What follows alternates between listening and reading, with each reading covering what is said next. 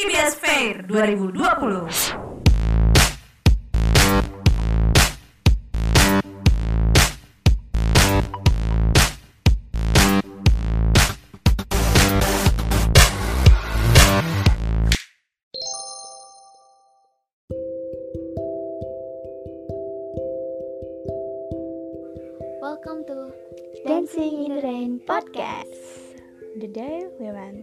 Psychologist. Halo teman-teman semuanya. Halo. Selamat datang di podcast kita. Hmm, Mungkin kita perkenalan dulu kali ya. iya betul boleh. Kenalan dulu nih. Di sini ada siapa aja? Di sini ada aku Audi. Dan di sini ada aku Iki. Ya dan kita Uh, kita bakal menyampaikan atau me- kita akan ngobrol. kita bakal ngobrol tentang suatu hal dengan tema eh, apa Story tadi? that makes us Story happy. that makes us happy. Mm-mm. Dan sudah kita, Kita mention sebelumnya yaitu the day we went to psychologist atau hari di mana kita datang ke psikolog. Betul sekali. Nah langsung aja nih atau gimana kayak kenapa sih kita memilih tema itu gitu? Ah, tema the day we went to psy- psycholog. ya. ya karena sesuai juga nama nama podcast kita Dancing in the Rain. Kita mau ngasih tahu kalian dari podcast ini kalau pun misalnya kita lagi ada di tengah hujan, sebenarnya kita masih bisa menari-nari di Iya. dalamnya, di dalam hujan. Karena mungkin suatu hal yang apa ya hal yang rare gitu ya bukan rare sih apa lebih- lazim gitu. Iya nggak lazim.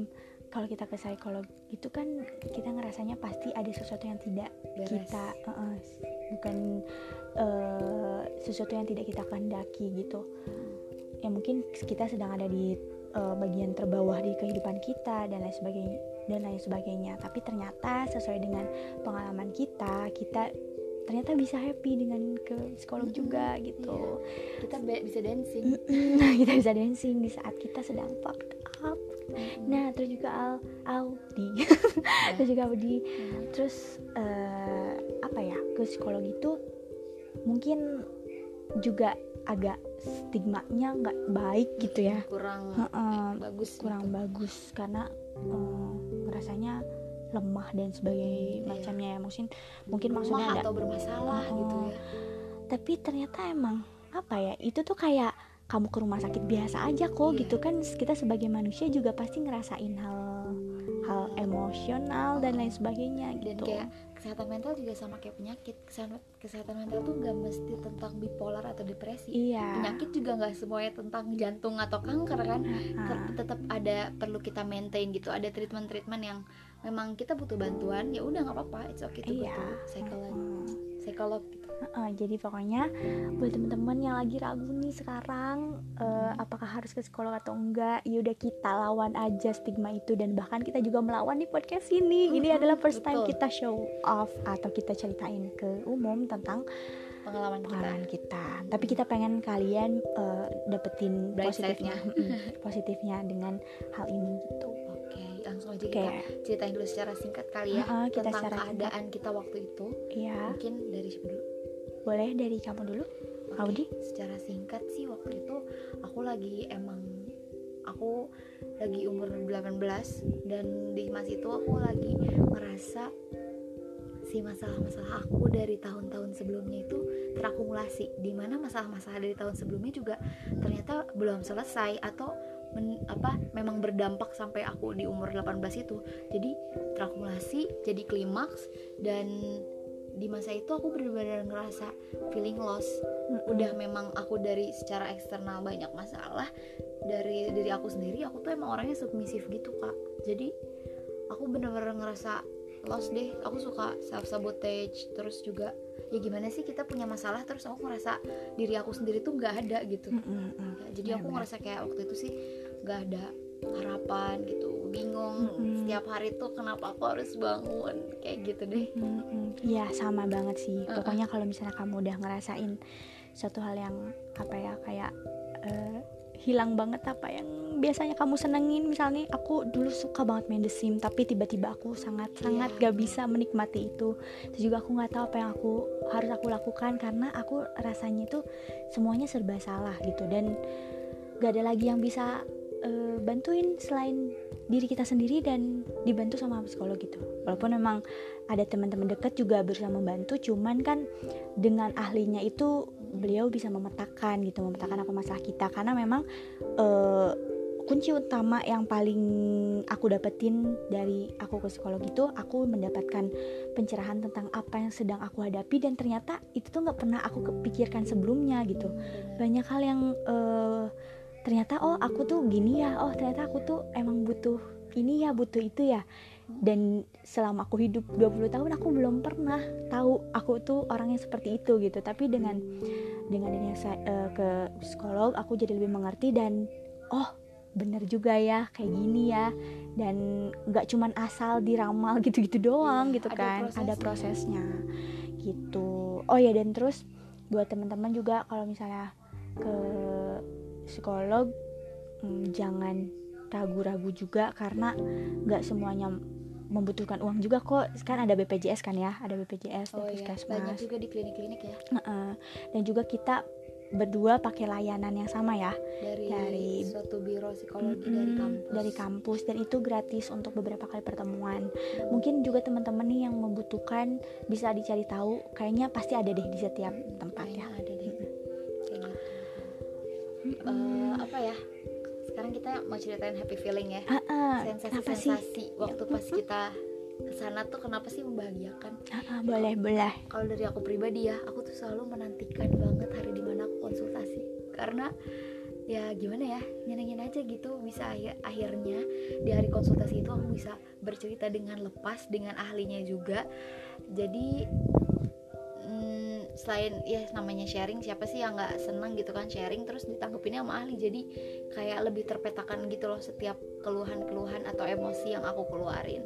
Kayak gitu. Aku juga nih ya kalau dari semasa aku beberapa kali konsultasi itu mereka itu sangat banget membantu aku untuk eh, mengambil beberapa keputusan besar yang sekarang udah aku ambil. Mm-mm. karena psikologi itu mm, ini loh kayak bener-bener sel- selalu menanggapi mengkritisi setiap statement atau emosi yang kita keluarin pas lagi sesi konsultasi Mm-mm. nah di situlah kenapa mereka-mereka ini bisa memetakan masalah kita kayak gitu. Mm-mm.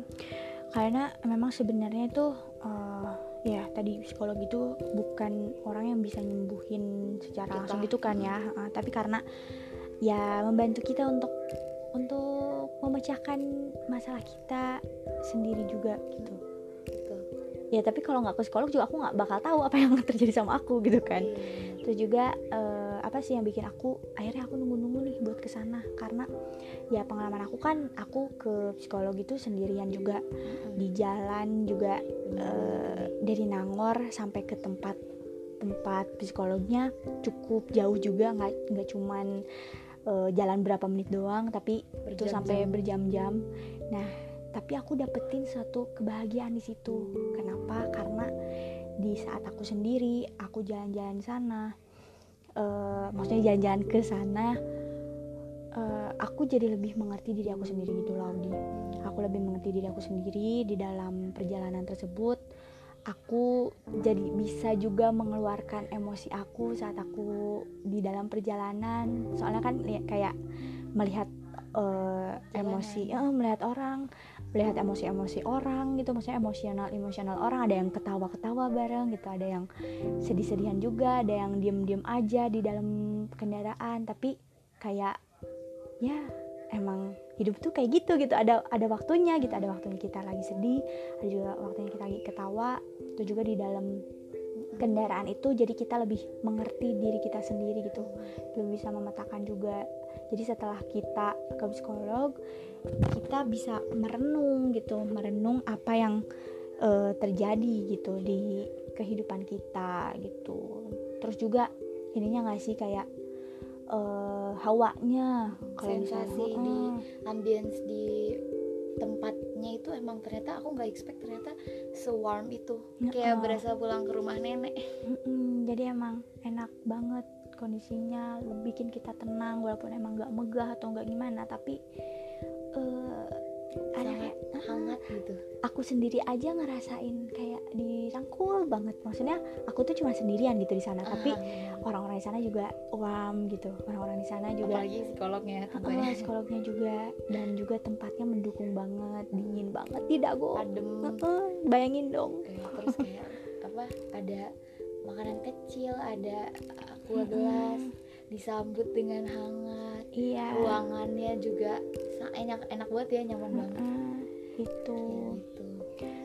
Dan apa ya maksudnya kalau ke sana pun eh istilahnya tuh kayak aku tiap dua minggu sekali ke sana selama tujuh bulan gitu waktu itu. Di situ tuh emang nggak instan kan cuman ya perjalanannya tuh worth it banget gitu. Aku emang masalahnya itu tentang tidak mencintai diri aku sebagaimana harusnya gitu. Aku jadi menuntut diri aku untuk jadi perfect untuk jadi ABC mengikuti tuntutan orang lain. Padahal sebenarnya eh, ya kita nggak boleh terlalu mengikuti standar orang lain kan kayak gitu. Di situ aku jadi lebih menghargai diri aku sendiri sih. Kayak aku lebih menghargai diri aku sendiri.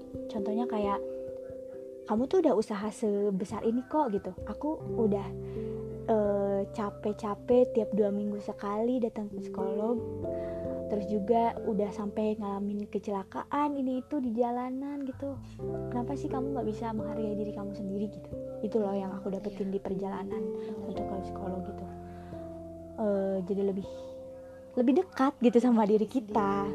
Aku juga pernah dengar quotes katanya kalau seseorang nyaman dengan dirinya sendiri maksudnya nyaman dengan kesendiriannya kesendiriannya dia Mm-mm. itu itu sebenarnya kunci di mana dia bisa nyaman sama orang lain juga. Kayak Mm-mm. gitu. Dan kalau aku sendiri waktu pas konsul juga eh ini tahu kak kayak dapetin banyak jimat. Banyak kutipan-kutipan percakapan yang sampai sekarang jadi jimat buat aku gitu loh. Iya masih iya. sama tentang mencintai diri sendiri. Aku pernah bilang psikolog aku bilang kayak gini "Eh, inget ya manusia tuh unik. Jadi kalau namanya unik tuh Mm-mm. jangan dibanding bandingin Iya, itu benar. memang dia emang apa ya psikolog itu membuat kita ya memanusiakan manusia nggak sih Mm-mm. kayak selain uh, efek ke diri kita jadi kita juga lebih mengerti lingkungan kita kan maksudnya jika ada orang yang bikin kita kesel tapi keselnya itu dalam artian masih wajar ya masih standar kita lebih bisa meredam emosi kita karena eh, apa ya ya emang orang tuh berbeda-beda cara treatnya tuh berbeda-beda jadi kita juga lebih tahu gimana caranya untuk menghadapi orang-orang seperti itu gitu karena emang walaupun kita nggak belajar psikologi kita juga ya dikasih lah ilmu-ilmu dikit gitu kan ya dibuat Heeh, mengerti. dibuat mengerti tentang apa Gitu. itu eh, apa sifat orang kayak ya pokoknya banyak banget pelajaran yang bisa kita hadapin eh kita hadapin kita ambil. dan pastinya kita bisa redefine our happiness. Ah, what fine. what happens Ah, ah. for you? Happiness for me adalah bisa nerima diri aku sendiri karena memang sampai sekarang tuh itu sulit banget. Benar. Cuman perjalanan sampai sekarang tuh ya ditemenin sama psikolog untuk mengerti diri sendiri. Itu sudah Precious. mulai ya sudah mulai progres terbuka gitu. Nah, dan kalau buat aku sendiri juga semenjak habis dari sekolah aku makin ngerti kalau bahagia itu sebenarnya kayak ngebebasin jiwa kita untuk lebih terbuka sama hari sekarang be present Mm-mm. kalau bahwa sebenarnya walaupun kita hari ini kita ngerasa gelap kita tetap harus terbuka bahwa kita juga masih punya banyak keberkahan hari ini dan kita masih punya banyak kesempatan untuk dapetin masa depan yang lebih cerah. Kayak gitu sih. Hmm, Iya, pokoknya eh, kalau dari aku intinya tuh ya jika ingin untuk eh, memecahkan suatu masalah ya harus tahu dulu masalahnya apa gitu. Hmm, Kita harus mengerti dulu diri kitanya juga gimana, apa yang kita suka, apa yang tidak kita suka dan cocok buat kita tuh apa. Karena ya tadi kita ini manusia, manusia yang unik. Gimana caranya memanusiakan manusia, Manusia. memanusiakan diri kita sendiri gitu benar-benar. walaupun kita nggak maksudnya untuk normalize yang nggak bener ya maksudnya ini tuh dalam dalam artian ya dalam tetap moral ada moral dan etika dan lain-lain kayak gitu Oke. oke Segitu sih yang bisa kita sampaikan.